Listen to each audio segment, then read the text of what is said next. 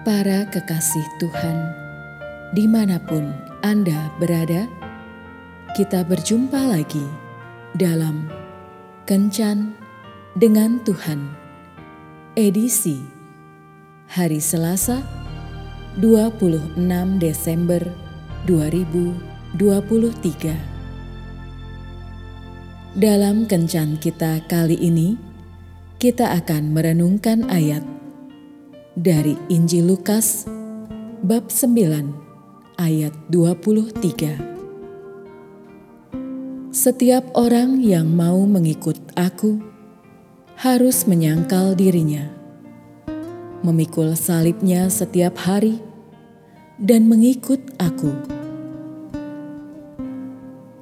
Sahabat kencan dengan Tuhan yang terkasih, menurut kebanyakan orang, Sukses itu jika seseorang berhasil mengumpulkan uang sebanyak-banyaknya.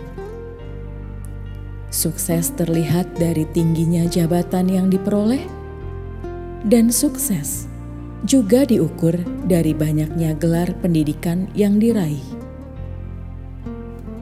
Makanya, tak jarang orang berbuat segala cara untuk mengejar kesuksesan Bahkan ada banyak orang yang harus curang dan melewati jalan pintas agar sukses.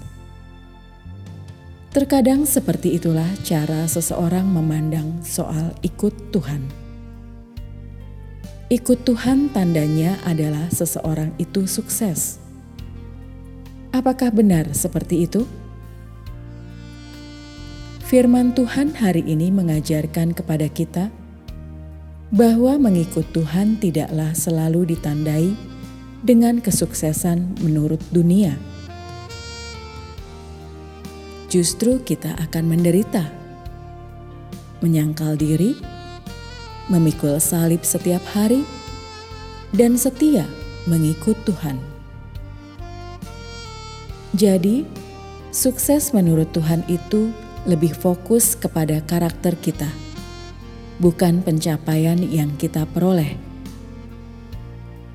Ditekankan juga, apa gunanya seseorang memperoleh seluruh dunia, tetapi ia membinasakan atau merugikan dirinya sendiri. Jelas bahwa apa pun yang kita peroleh dalam hidup ini akan sia-sia jika kita belum bisa menahan ego, belajar sabar, setia ikut Tuhan, susah maupun senang. Pola pikir dunia dengan Alkitab soal kesuksesan sangat jauh berbeda, bukan?